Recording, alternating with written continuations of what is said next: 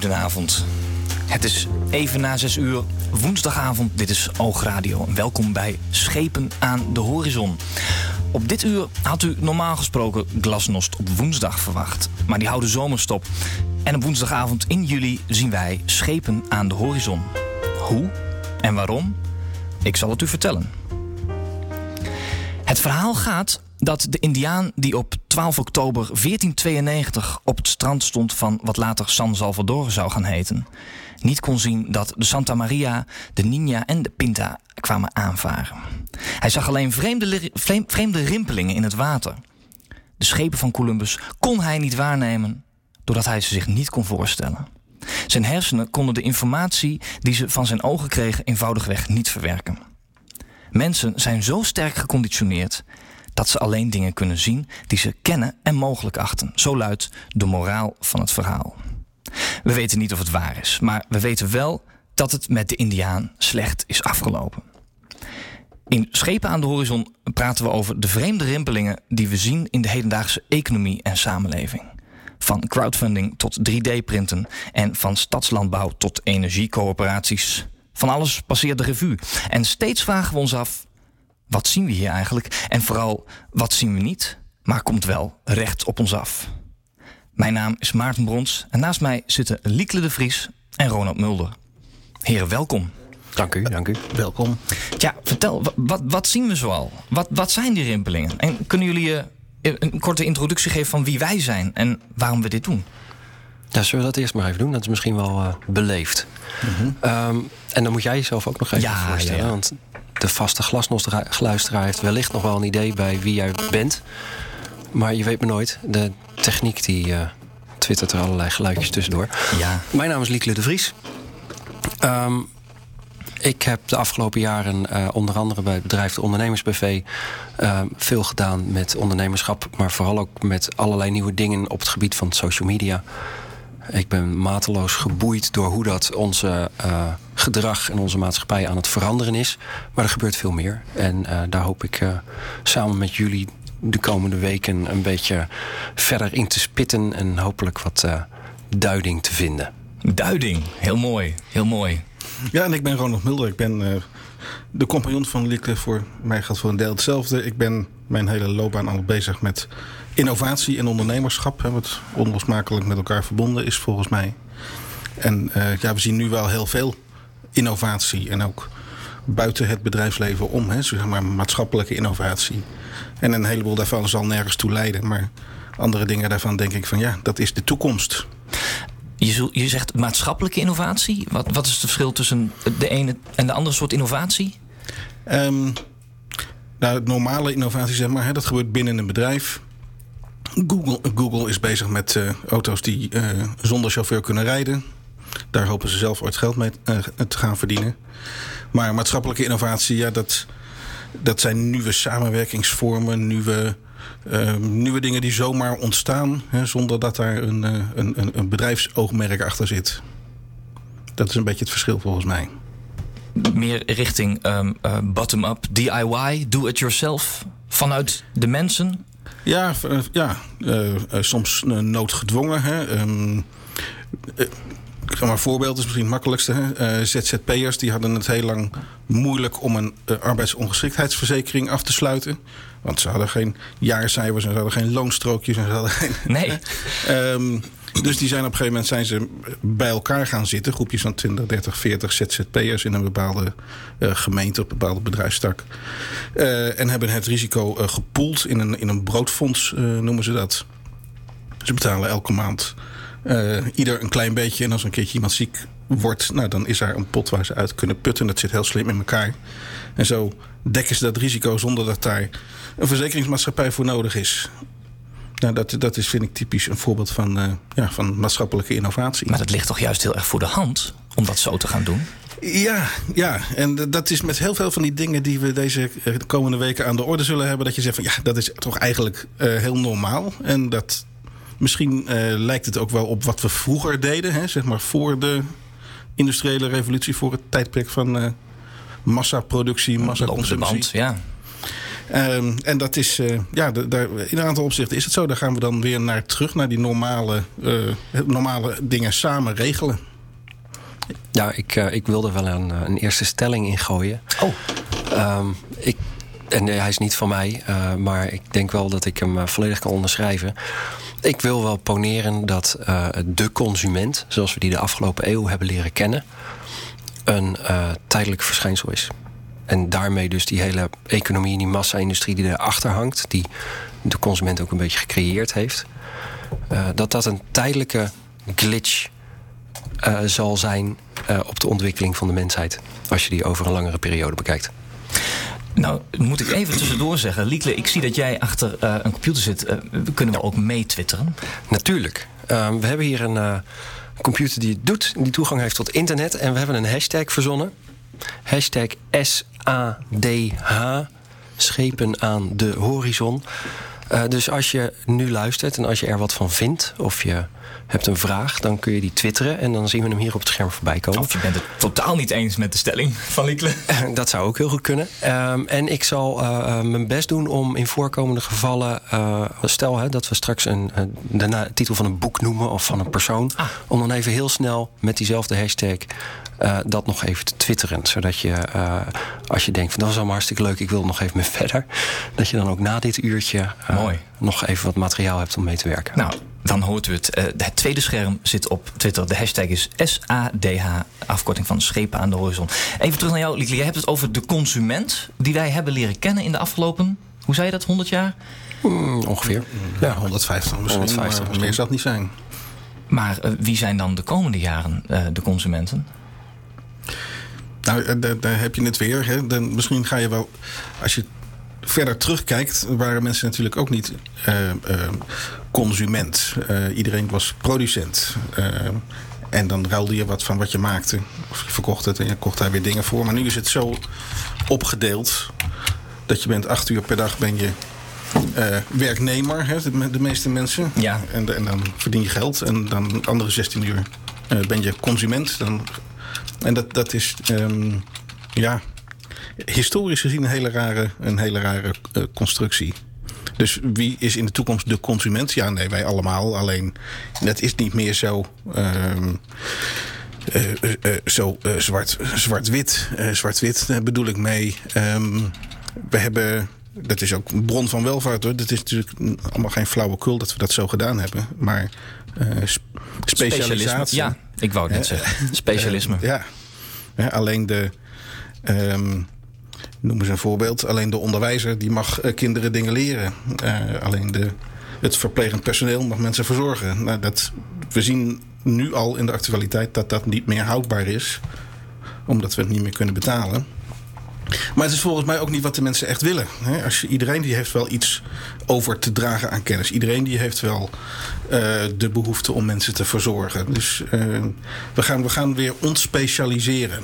En hè, dus die, die fulltime consument die gaat ook verdwijnen.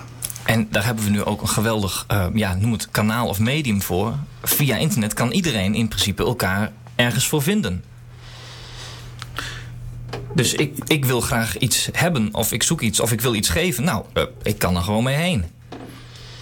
Ja, uh, dat is natuurlijk ook niet per se nieuw. Want ook in de vorige eeuw hadden we natuurlijk uh, de kleine advertenties in de krant. Waar mensen spullen konden aanbieden die ze kwijt wouden of die ze zochten. maar met de komst van Marktplaats en eBay en nou, noem alle alternatieven maar op. Um, is dat en goedkoper en sneller en uh, effectiever geworden. Omdat je een veel groter publiek kunt bereiken. Um, die advertenties in de kranten zie je ook niet meer. Het, uh, ik weet niet, er waren ook speciale kranten voor zelfs. Uh, ja, handje contantje. Handje nou, vroeger, ja. Bijvoorbeeld een snuffertje of zoiets. Ja. die, volgens mij bestaan die niet meer. Maar dat... Um, ik denk dat, uh, uh, om eventjes terug te gaan naar het thema of de titel van onze reeks, Schepen aan de Horizon. Um, dat dit wellicht een van de uh, rimpels is die we zien. Dat uh, bedrijven die op een traditionele manier producten proberen te produceren, te distribueren en aan de man te brengen, waarnemen dat uh, het niet altijd meer zo werkt als hun spreadsheets ze voor gerekend hebben. dat ze merken dat het niet altijd meer vanzelfsprekend is dat als je er zoveel dollars aan reclame ingooit, Ah. dat je zoveel dollars omzet hebt, omdat er nieuwe mechanismes komen. Omdat wij bijvoorbeeld op een andere manier eh, op zoek gaan naar informatie over eh, een product om onze behoeften mee te bevredigen. Ja, en Maarten, je hebt natuurlijk gelijk dat in- internet eh, de grote motor hiervan is. En internet maakt het bijvoorbeeld ook voor bijna iedereen mogelijk om je spullen of je diensten wereldwijd aan te bieden. Ehm, een heel mooi voorbeeld vind ik eh, Etsy.com. Dat is een soort van eBay-marktplaats, een wereldwijde website waar allemaal eh, kleine, vaak ambachtelijke producenten, mensen die, die truien breien, tasjes Ja. maken, por- eh, portemonnees maken, hun, hun waren aanbieden. En die hoeven het nu niet meer eh, op Koninginnedag te verkopen, zeg maar, maar gewoon hè, elke dag en wereldwijd. De wereldwijde kleedjesmarkt. Ja, de wereldwijde kleedjesmarkt. En dat, dat is nou, hartstikke. Die website groeit als kool. Dus ehm, hè, die, die truienbreisters, eh oneerbiedig gezegd, die, Ja. die, eh, Zeg het maar. eh, die concurreren met, met wereldwijde merken als Gucci. Ehm, zo, zo moet je dat zien. De consument wordt producent. De consument wordt producent. Ja, de, de hippe term is geloof ik prosument. Een maar prosument. dat vind ik een beetje als farmaceutica klinken. Ja, en, en Prosumer. prosumer, ja. ja. Dat kan ook een hele serieuze ehm huistuin- en keuken eh, zijn... die een heel serieus espressomachine eh, op zijn, eh, eh, ja, op zijn eh, aanrecht heeft staan. Maar dat is weer een hele andere invulling van prosumer. Ja, nou maak je me in de war. Sorry, sorry. Ehm, het DNA van een onderneming, hè, de, de, de kiem van de oorsprong, zal dus gereviseerd moeten worden. Want als ehm, bedrijven er nu achter komen dat dat wat ze al die tijd gedaan hebben, dat dat niet meer in sync is met eh, de wereld om ons heen, die zullen dus bereid moeten zijn om, om, om alles om te gooien. Hoe, hoe, hoe moeten we daar in, in vredesnaam aan beginnen? Nou, dat weet ik ook niet. Ja, nou, ehm, maar maar dit is helemaal niet waar, Maarten. Oh, Nee, natuurlijk niet. hoe dan? Zo, ehm, ten eerste denk ik dat de organisaties helemaal... die zeggen misschien wel dat ze eh, willen innoveren... maar dit is een dermate fundamentele wijziging... dat ze volgens mij niet eens weten waar ze het over hebben. Dus ze kunnen het niet menen als ze zeggen... we zijn bereid om dat te doen. En ik denk eigenlijk dat... ehm, hoe groter de organisatie, hoe groter de weerstand tegen verandering... hoe minder waarschijnlijk dat eh, ze daadwerkelijk een slag zullen maken. Dus ik denk dat ze allemaal stuk gaan. Ik denk dat al die grotere organisaties, grotere bedrijven... eh, zich op de een of andere manier kapot gaan lopen op deze nieuwe mechanismes. En hoe moet dat dan? Nou, dat zien we dan wel. Maar Ja, d- ja, ze- nou ja, dat is, eh, of, ze, of, ze, of ze het eh, redden, dat, ze hebben een grote, een, een grote uitdaging, zoals dat heet. hè. En eh, een van de redenen is, kijk, waarom die, die truienbreister van daarnet, maar dat geldt ook voor muzikanten die hun eh, eigen muziek eh, aanbieden op, eh, op Bandcamp of ergens anders. Het, het geldt voor ehm, Een schrijver die zijn boek Printing on Demand maakt, Ja, zonder uitgever ertussen. Ehm, kijk, die, ehm, die werken met, met liefde en met passie. En hebben als doel om mensen blij te maken met hun producten. En de grote or- organisaties, grote bedrijven hadden dat misschien ooit ook wel. Maar die zijn dat vaak een beetje vergeten. En die zijn nu bezig met geld verdienen. En ehm, de consument die voelt dat, die herkent dat. ehm, die merkt dat verschil. En ehm, om, dat, om dat terug te draaien, om als grote onderneming Ja. weer Ik wou het net zeggen. echt je klanten blij te maken. Echt weer met, eh, met ziel en beleving eh, je ding te doen. Dat, dat is een hele grote opgave. En de- de- daar zie je wel leuke voorbeelden van. Hoor, van bedrijven die het volgens mij echt wel proberen. Maar er zit, die hebben zoveel ballast en zoveel erfenis eh, mee te slepen. Dat is, dat is niet makkelijk. maar de terug, terug gaan zoeken naar de passie en, en, en de kern, die, die kern is er dus nog wel. Dus die is wel te vinden.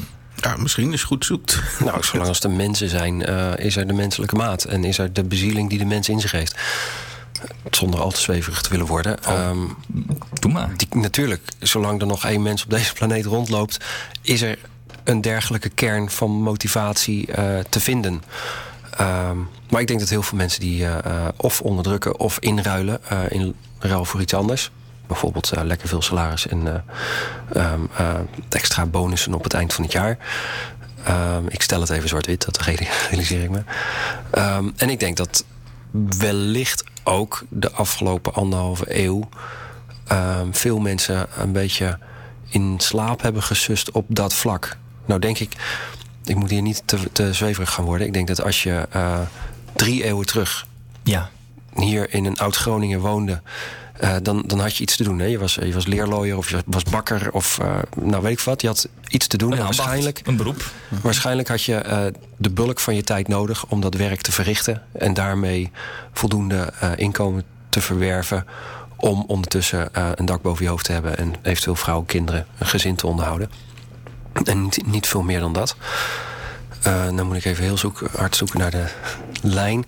Um, 300 jaar geleden. Dat was 300 jaar geleden. In Groningen. Je had een ambacht, dus het was allemaal vrij overzichtelijk. Ja, en diezelfde drive heb je nu nog steeds. Ik, wat ik wil zeggen is, 300 jaar geleden denk ik niet dat mensen uh, ook uren per dag zaten na te denken over wat is het waarom van mijn zijn. Uh, en als ze dat al deden, dan kregen ze dat verteld door de kerk. Um, maar dit is wel de tijd waarop we die ruimte hebben. We verdienen ons geld op een andere manier. We zijn op onnoemelijk vele manieren eh, veel productiever geworden. Dus we hebben tijd over in ons hoofd, in onze agenda, om na te denken over waarom we dingen doen. En dat is niet per se een zegen voor iedereen. Maar de afgelopen eeuw hebben we er ook niet heel veel over na hoeven denken. Want het werd ons wel verteld door de grote merken. Dat vonden we ook wel makkelijk. Uh, en nu komen we ook in een soort van periode van identiteitscrisis. Ik, ik ben niet langer meer degene met. Uh, uh, die bepaald wordt door de merken kleding die ik aan heb en de band uh, waarvan ik de muziek het leukste vind. Ik word ook niet meer zo bepaald door de politieke partij waar ik op stem. Ehm, ik moet mezelf zijn. Ik moet zelf verzinnen wat ik wil. Nou, dat is best een hele grote opgave. Ik denk dat er heel veel mensen de komende jaren terug gaan verlangen, voor zover ze dat kunnen, naar gewoon maar een week vol met werk om jezelf ergens op toe te passen.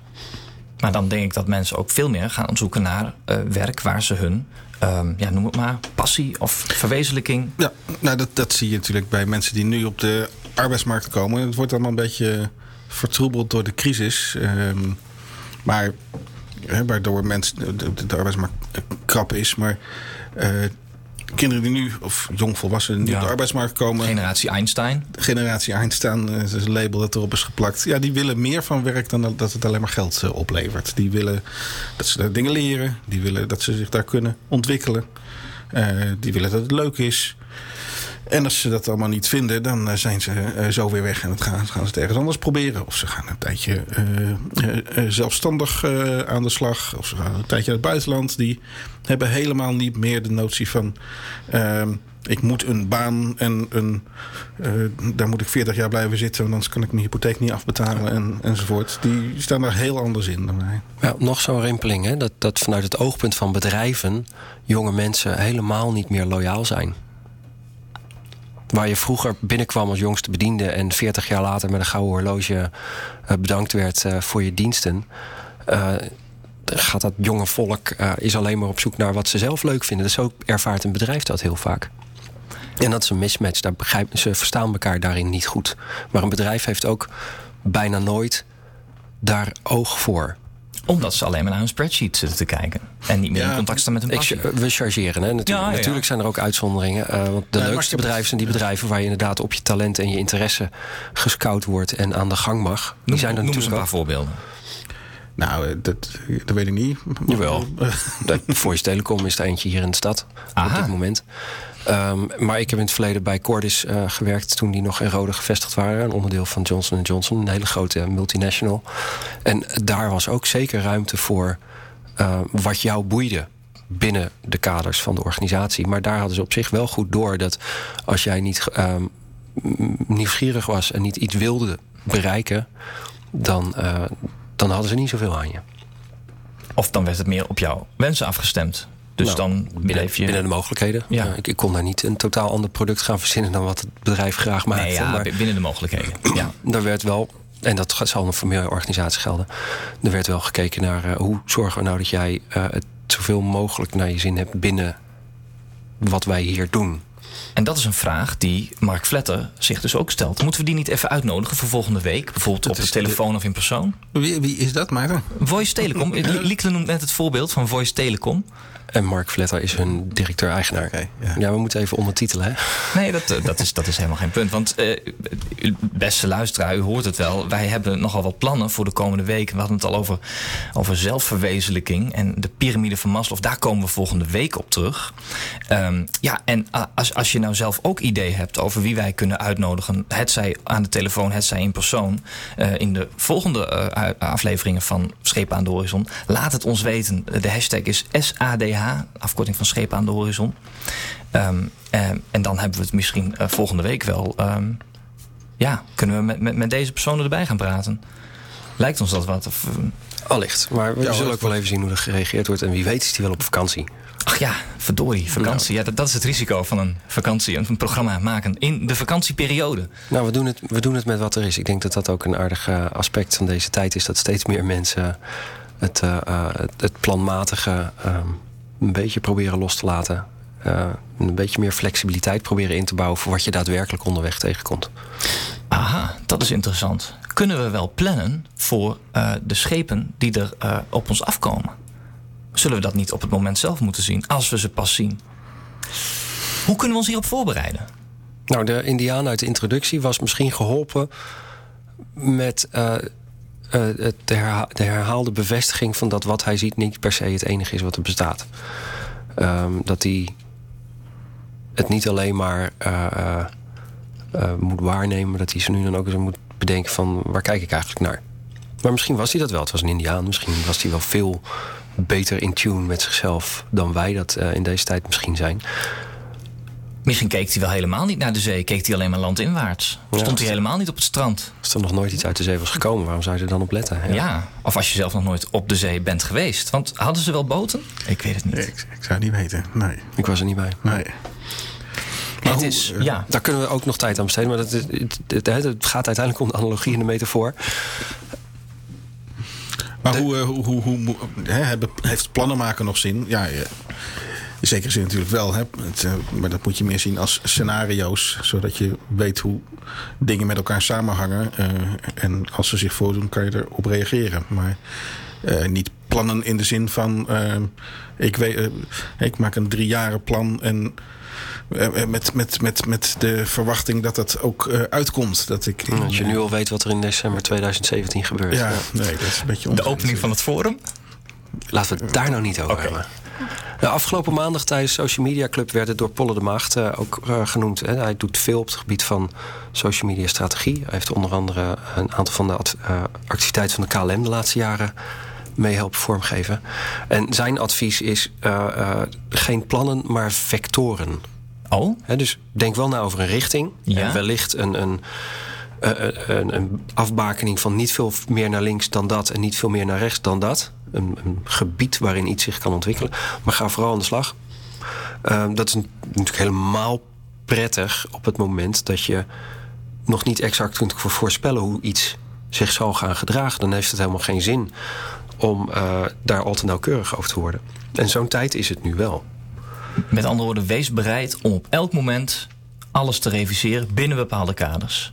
Ja, en daar kun je wel zelf wel in trainen. Je kunt namelijk wel, ehm, om dat goed te kunnen doen, nadenken over wat jouw doelstelling is. Welke bijvoorbeeld waarden je wilt realiseren. Wat eh, eh, bijvoorbeeld op het gebied van geld, eh, wat het bedrag is wat je maximaal kunt gaan besteden. Op het gebied van verantwoordelijkheid, welke verantwoordelijkheden je wel en niet aan wil gaan. Op het gebied van mat- materiële, maatschappelijke, milieuachtige impact kun je best wel een paar dingen vooraf zeggen van nou niet meer dan dit of eh, niet minder dan dat. Maar hoe precies, dat zien we op het moment dat we erbij komen. Maar hoe, hoe radicaal anders is dat eigenlijk dan bijvoorbeeld 300 jaar geleden? Met andere woorden, hebben we nou niet net een periode van, laten we zeggen, grofweg 100 jaar achter de rug, waarin we juist alles te anders hebben gedaan? En moeten we Nou. juist weer terug naar. Nou, in veel opzichten wel, maar in dit opzicht niet. Ik denk dat de, de, de wereld wel gewoon steeds onvoorspelbaarder is geworden. En dat 300 jaar geleden alles eh, extreem voorspelbaar en saai was. En, en je ging je, je, ehm, je ging dood zoals je geboren was. Uh, maar heel, heel Als de zoon van een precies, ambachtsman. Heel weinig dus. sociale mobiliteit en, enzovoort. enzovoort. En, en dat, dat is alleen maar uh, volgens mij allemaal steeds onvoorspelbaar, steeds sneller, steeds. Dus uh, je kan steeds minder ver vooruit kijken. Het is, het is, het is steeds belangrijker om, om wendbaar te zijn. Dus uh, dat. Um, nee, daarin gaan we denk ik niet 300 jaar terug. Ik denk niet dat we teruggaan naar zo'n statische samenleving als, uh, als toen. Misschien wel jammer, lijkt me best rustig. Wij zitten bijna op half zeven. Gaan we even luisteren naar een stuk muziek? Mooi. Dit is nog steeds Schepen aan de Horizon bij Oogradio. Het zomerdiscussieprogramma met actuele en toekomstige maatschappelijke thema's. Dit is Maarten Brons met bij mij aan tafel Ronald Mulder en Liekle de Vries. En wij praten verder over de rimpelingen die wij in de verte zien als wij de schepen niet zien aankomen. Vertel, heren, wat, wat, voor rimpelingen kunnen wij nog meer verwachten de komende jaren? Nou, wat, um, dat probeerde ik je uit te leggen voor de muziek, uh, Maarten. Uh, wat we kunnen verwachten, dat is heel moeilijk te zeggen. um, maar je kan, wel, um, je kan wel een beetje de gebieden aangeven waarop uh, interessante dingen gebeuren. En dat, dat zijn namelijk de gebieden waar, waar je zeg maar, hele grote systemen hebt. Grote systemen die, waar we nou eenmaal nu mee opgescheept zitten. Die opgescheept, dat is ook mooi. ja, ik hoorde het En, en die systemen gaan we omzeilen, of niet? ja, de, de, de, laten we even uitpraten. De, um, Ooit was het uh, uh, misschien een goed idee om, laten we maar even een makkelijk voorbeeld nemen, hè, maar om uh, landen in te richten. kan je niet meer herinneren, maar ooit waren er geen landen. Hè? Iedereen die deed maar wat. de tribale samenleving, je had stadstaten even wat later. Je had, um, op een gegeven moment, zo begin 19e eeuw, ontstonden er in Europa allemaal landen, natiestaten. Als je nu met een blanco vel papier weer mocht beginnen, dan zou je het waarschijnlijk anders inrichten. De landen zijn misschien helemaal eh, niet zo handig. Uh, verschillen tussen landen zijn misschien helemaal niet zo handig. En dus, maar we hebben geen wit vel papier, we zitten ermee opgeschreven. En dus zie je dat mensen uh, om die systemen heen gaan werken. Mensen twee paspoorten hebben. Je ziet mensen eh, eh, de ene helft van het jaar hier, de andere helft van het jaar daar uh, leven. Een mooi verhaal. Als je dat. kan je even googlen, misschien Liekle. Het verhaal van, van Esther Jacobs. dat is heel leuk om te lezen een, een, een, een wereldbewoonster, een wereldburger. Maar die stond. Ja, je moet nou eenmaal ergens ingeschreven staan. En, uh, en in Nederland is het zo dat als je ergens ingeschreven staat, dan moet je daar ook af en uh, meer dan zoveel dagen zijn. Anders dan word je door de gemeente uitgeschreven. En dan word je als ware, loop je gevaar statenloos te worden. Maar hoe erg dat, is dat uh, om stateloos te zijn? Ja, dat, dat, dat weet ik niet. Maar ja, dan heb je. het zal wel erg zijn, want. Um, het is een soort van straf.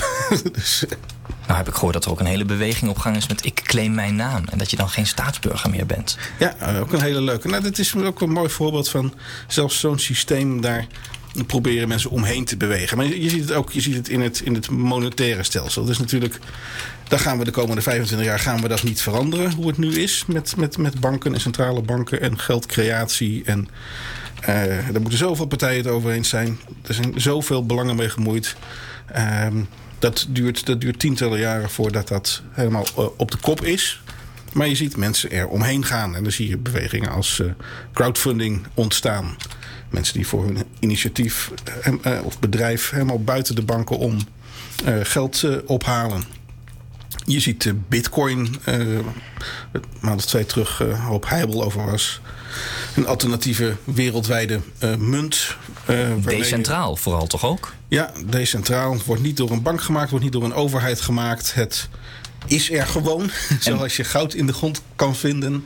Um, en het, uh, uh, is niet, het is anoniem. Het is niet te traceren wie er met wie gehandeld heeft.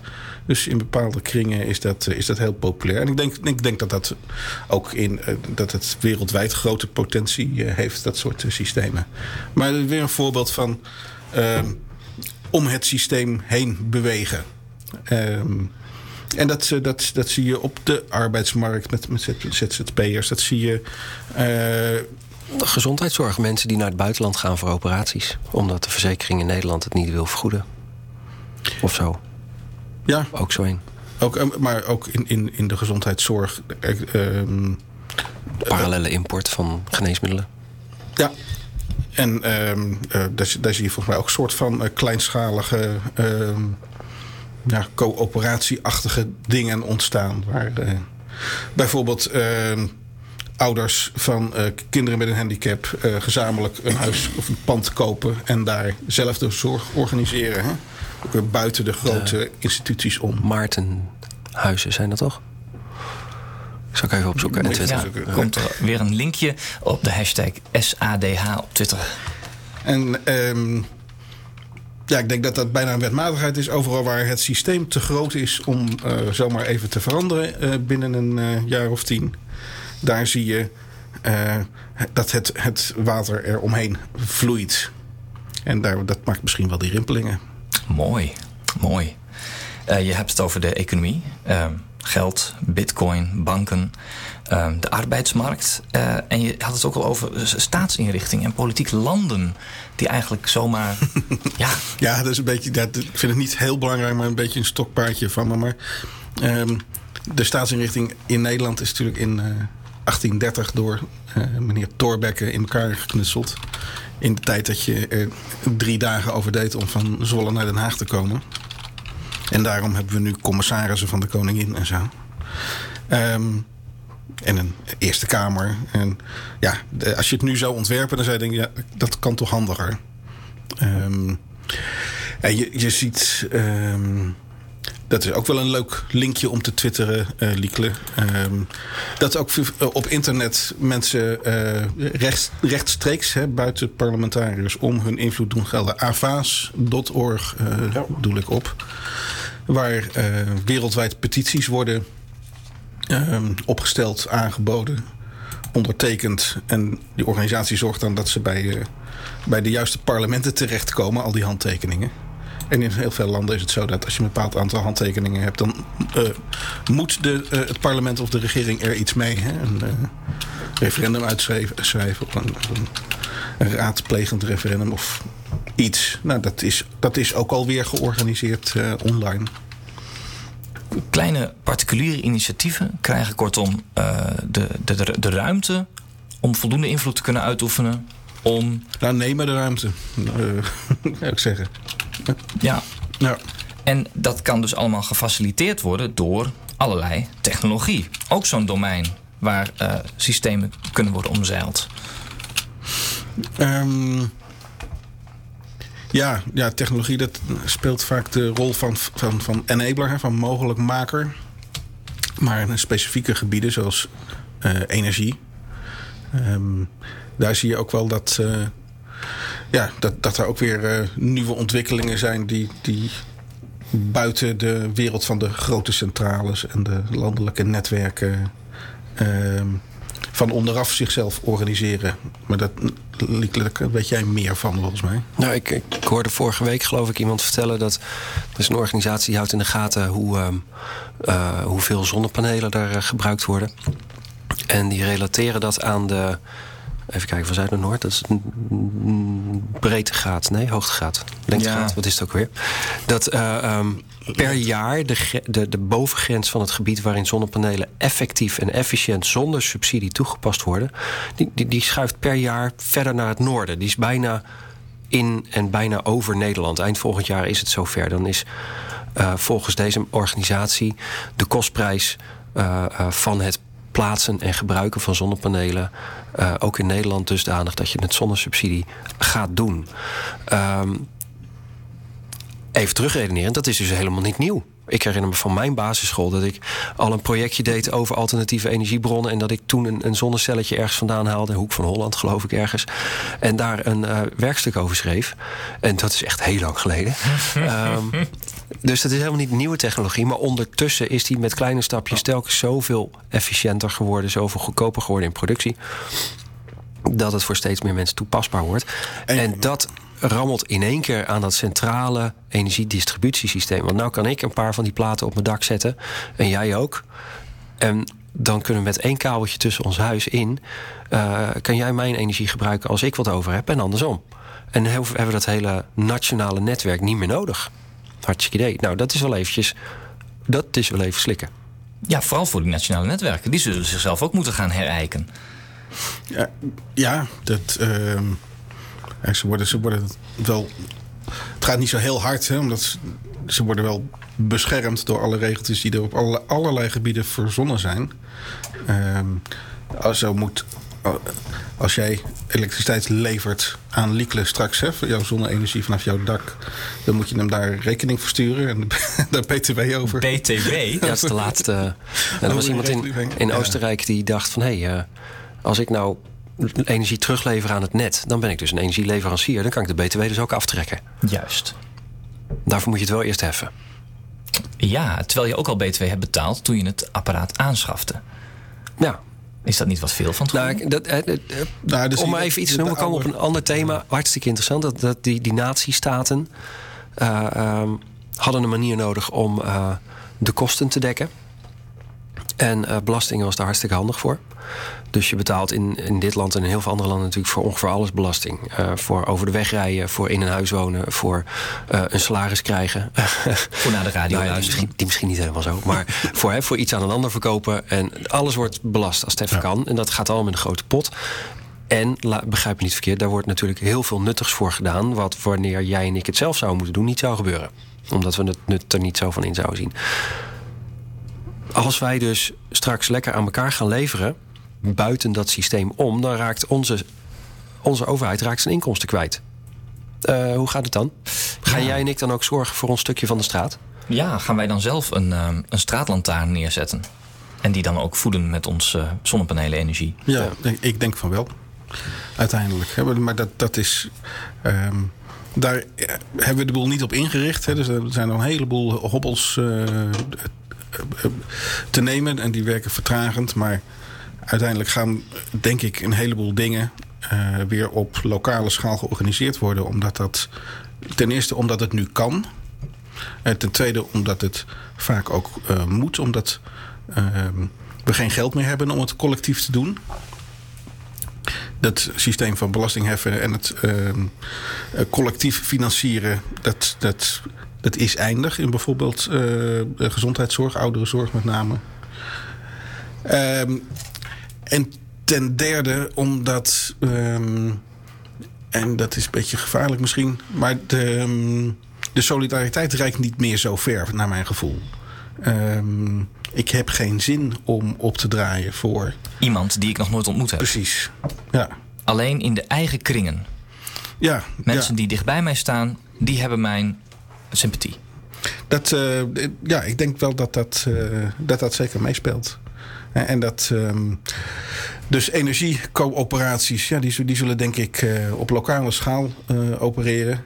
Dat, uh, het kan, het is efficiënter en je kent elkaar. Zo'n broodfonds waar ik het begin van de uitzending over had.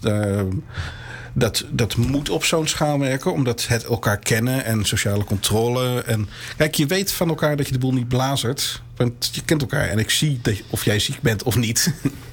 En dus daar hebben we geen keuringsarts voor nodig. En daarom is het een, uh, een, een mooi lean uh, mechanisme. Dat blijft niks aan de strek. Je hebt geen onnodige kosten, geen overhead. Lean, uh, dat, sorry, dat moet je even uitleggen. Lean? mager, oh, efficiënt, lenig. Um, Tanig. mm. Nog meer woorden. Maar... En dus dat... Um, Um, maar ook uh, voor, voor elkaar zorgen. Dat is ook veel efficiënter op een uh, lokale schaal. En een, een, um, een bij, of, bij, bijverschijnsel, bijeffect, een neveneffect daarvan is dat je, dat je verschillen gaat krijgen. Dat we het uh, hier anders doen um, dan 50 kilometer verderop. En dat je dat niet elke Nederlander dus meer hetzelfde krijgt. Hoera! Hoera! Hoera! Liekle, vertel, waarom ben jij het hier zo mee eens?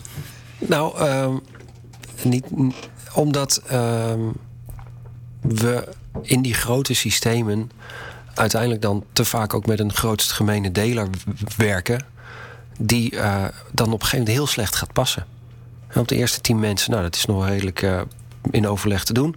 Maar op een miljoen mensen, of 17 miljoen in het geval van Nederland, uh, één oplossing toepassen. Nou, dan. Al, en, en, laten we even ervan uitgaan dat, we, dat je daar statistisch dan die bekende curve voor tekent. Er is één gemiddelde, er is een mediaan. En er zijn dus echt immense aantallen mensen die buiten dat gemiddelde vallen en die dus niet lekker in die vorm passen. Wanneer we teruggaan naar deze eh, meer lokale, regionale uh, afmeting, gaan we dus ook veel dichter terug naar menselijke maat en menselijke schaal. En dat zou uiteindelijk voor iedereen winst moeten zijn. Het is nog wel een beetje spannend. Want de afgelopen anderhalve eeuw hebben we ons ook afgeleerd om dat fijn te vinden. Uh, af, afgelopen anderhalve eeuw hebben we ons geleerd dat um, uh, als wij dezelfde leeftijd hebben en eenzelfde vooropleiding en ongeveer hetzelfde werk doen, dat we dan ook hetzelfde moeten verdienen. Dat we ongeveer evenveel euro's op de bankrekening zouden moeten krijgen van onze baas. En uh, we zijn juist erg gevoelig geworden voor dat dat niet al te veel van elkaar verschilt. Want dat, dat wilden we niet. Um, en uh, dit zou kunnen betekenen dat iemand in dezelfde situatie, in dezelfde omstandigheden in Groningen toch een heel andere inkomst-uitgavenpatroon kan kennen dan iemand 100 eh, of 200 kilometer verderop. Om maar even tot dat ene voorbeeld beperkt te blijven. En ik denk dat dat, um, dat, dat eigenlijk helemaal niet zo erg is. Ik denk dat je daarmee ook gelijk af bent van uh, wat er nog aan noodzaak is voor landsgrenzen. Omdat je gewoon gebiedsgrenzen hebt. Maar ja, hoe die zich dan vormen en volgens welk systeem, dat vind ik nog wel een beetje. En op welke termijn? Ja. Ja, nou dat, dat, klinkt wel interessant. Als het mij meer bevalt zoals men uh, de dingen uh, 50 of 100 kilometer verderop geregeld hebben, dan ga ik toch lekker daar wonen. Ja. Dan sluit dat veel beter aan bij wat ik voor me, me voorstel bij het leven. Good for you, ja, dat, dat zou je willen. Maar dan ben jij misschien uh, flexibeler dan de meeste mensen. En voor veel, veel mensen zullen, zullen dit. Het is niet wat we gewend zijn. Het, we zijn eraan gewend. Uh, um, dat rechtsgelijkheid een heel belangrijk beginsel. Hè? En, um, als, de overheid die moet maar zorgen dat dat. dat dat overal hetzelfde is. Dat. Um, maar dat, het is niet langer houdbaar, denk ik. Het is niet wat mensen uiteindelijk willen. Dus het, uh, misschien kan je zeggen dat. Uh, het is ook weer vrijheid, gelijkheid en broederschap. Dat de die derde van die drie, dat dat uh, in de toekomst meer aandacht gaat krijgen dan het tot nu toe heeft gehad. En vrijheid en gelijkheid misschien wat minder. En de vrijheid om ook de ongelijkheid op te zoeken. Of op zoek te gaan naar plekken waar je je beter bij aangesloten voelt. Ja, dat is natuurlijk wat helemaal interessant is. We zijn met z'n allen ook wel heel erg gevoelig geworden voor eh, de dissidente stem. En uh, dat wordt snel gepolariseerd en geradicaliseerd en gesataniseerd. Uh, en wat we het afgelopen jaar ook allemaal niet gehoord, gedemoniseerd. Um, maar een gezonde uh, discussie, een verschil van inzicht, een verschil van standpunten, is eigenlijk wel prettig. Maar je moet het wel hanteerbaar houden. Dus je moet daar elkaar niet om naar het leven hoeven staan. Nee, nou, het, het, zou, het, wat mij betreft zou het inderdaad mooi zijn als. Uh, hè, dat bekende uitspraak van als het je niet bevalt, dan rot je toch lekker op. Dat dat niet meer een, een uh, uh, vloek of een verwensing is, maar dat dat een heel normaal voorstel is. En daar past dus een overheid bij die dat op een hele andere manier gaat faciliteren. Ja, en, en, en ja, de, veel minder overheid, denk ik ook. Nou, dat gaan ze toch al doen. Ja. Ze hebben geen geld meer. Ja, dus ze, wel, ze maken wel een terugtrekkende beweging. Dus ze zullen zich moeten beraden op wat het minimum is dat ze willen handhaven. Aan voorzieningen, aan infrastructuur. En de rest zullen wij echt als mensen in deze wereld zelf moeten gaan regelen als we het niet kwijt willen raken. vorig jaar was geloof ik die gemeente die uh, inderdaad al tegen de burgers zei: joh, als je daar een lantaarnpaal wil hebben, dan moet je hem er zelf neerzetten. En dan zorgen wij er wel voor dat hij stroom krijgt. Maar wij gaan hem niet meer uh, plaatsen of onderhouden. Um, er is een hoop over te doen geweest. Uh, dat, dat waren we niet gewend. En nou, van al die dingen kun je afvragen hoe wenselijk het is. Maar de wedervraag is, nou, wat heb je er dan voor over? En ik denk dat Ronald daar wel een goed punt heeft. Dat we um, daarin ook steeds meer naar onszelf kijken. En steeds minder makkelijk wel voor de groep iets willen doen. Um, en dat, dat doen we alleen als we die groep kennen. En als we onszelf daarin herkennen. Dat is natuurlijk de afgelopen jaren ook steeds moeilijker geworden. Omdat dingen steeds groter en anoniemer werden vaak. En voelen we ons dan wel machtig genoeg om ergens aan te durven beginnen? Is dat niet ook een groot punt? Dat is een goede vraag. Dat is een goede vraag. Je ziet dat ehm, ehm, nog weinig mensen zich machtig voelen. Hè? De, eh, kijk, de, de veel, veel mensen die benoemen dit als een tijd van crisis. Maar er zijn een paar van die optimisten. Uh, zoals, uh, weet je, Pieter Diamandis. Ja. Um, gaan we twitteren. Gaan we twitteren. Ja, ja, was dat niet de uh, econoom, filosoof die zegt een basisinkomen voor iedereen? Nou, dat weet ik niet of hij dat ook zegt. Nou, hij, zegt, zegt hij, hij, zegt ook, nou, we leven in tijden van overvloed. Hè? Er is uh, energie, uh, die beschreef net uh, dat zonne-energie bijna overal op de wereld nou, rendabel begint te de worden. Oogsten. Dat, dat, is, dat is de oogsten. Met, als, er, als energie niet meer schaars is, want zonne-energie dat wordt heel snel goedkoper. Als energie niet meer schaars is, dan is water ook niet meer schaars. Want dan kan je ontziltingsinstallaties bouwen. Uh, zoutwater is er zat. Dus uh, dan heb je een heleboel. Uh, en als water niet meer schaars is, dan is voedsel niet zo lang daarna ook niet meer schaars. Dus, dan, dus hij zegt van binnen, binnen een aantal jaren, dan heeft de technologische ontwikkeling. die heeft de grootste probleem wat de wereld eigenlijk opgelost. Die heeft schaarste dan veranderd in overvloed. En we leven in prachtige tijden, dat zegt hij. Ja, letterlijk. Ja. Um, maar dat is lang niet iedereen ziet dat zo. Dus heel veel mensen die zijn bang, die zijn angstig, die voelen de crisis. En de, de, daar hebben ze ook geen ongelijk in, dat zeg ik ook niet. Maar, en die voelen zich dus niet machtig of, of, of zeg maar gedreven om iets, uh, zomaar iets te gaan beginnen, iets te gaan ondernemen. Of dat nou bedrijfsmatig is of dat ze met de buren een uh, elektriciteitscoöperatie gaan opzetten.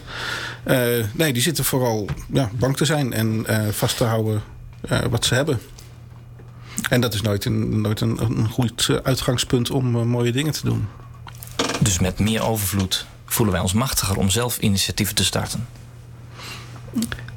Ja, ja dat, uh, maar laten we daar uh, vooral niet op wachten. Hè. Dat, tijd om dingen te doen is altijd nu. En toch moeten wij even wachten tot volgende week om verder te gaan. Want wij lopen al tegen zevenen. Um, nog één laatste slotconclusie, heren? Of gaan we eruit met Badlands? Mooi. Tot de volgende week. Wij, wij zijn hier volgende week weer uh, van 6 tot 7, de hele maand juli op Oogradio. Dit was de eerste aflevering van Schepen aan de Horizon. De komende woensdagavonden nog drie keer. Praat mee met ons op Twitter, hashtag SADH. Mijn naam is Maarten Brons. Naast mij zitten Lieke de Vries en Ronald Mulder. De techniek was vanavond in handen van Roelof Donker. Uh, zometeen na uh, het nieuws non-stop muziek. Dit is Badlands van Peter Erskine.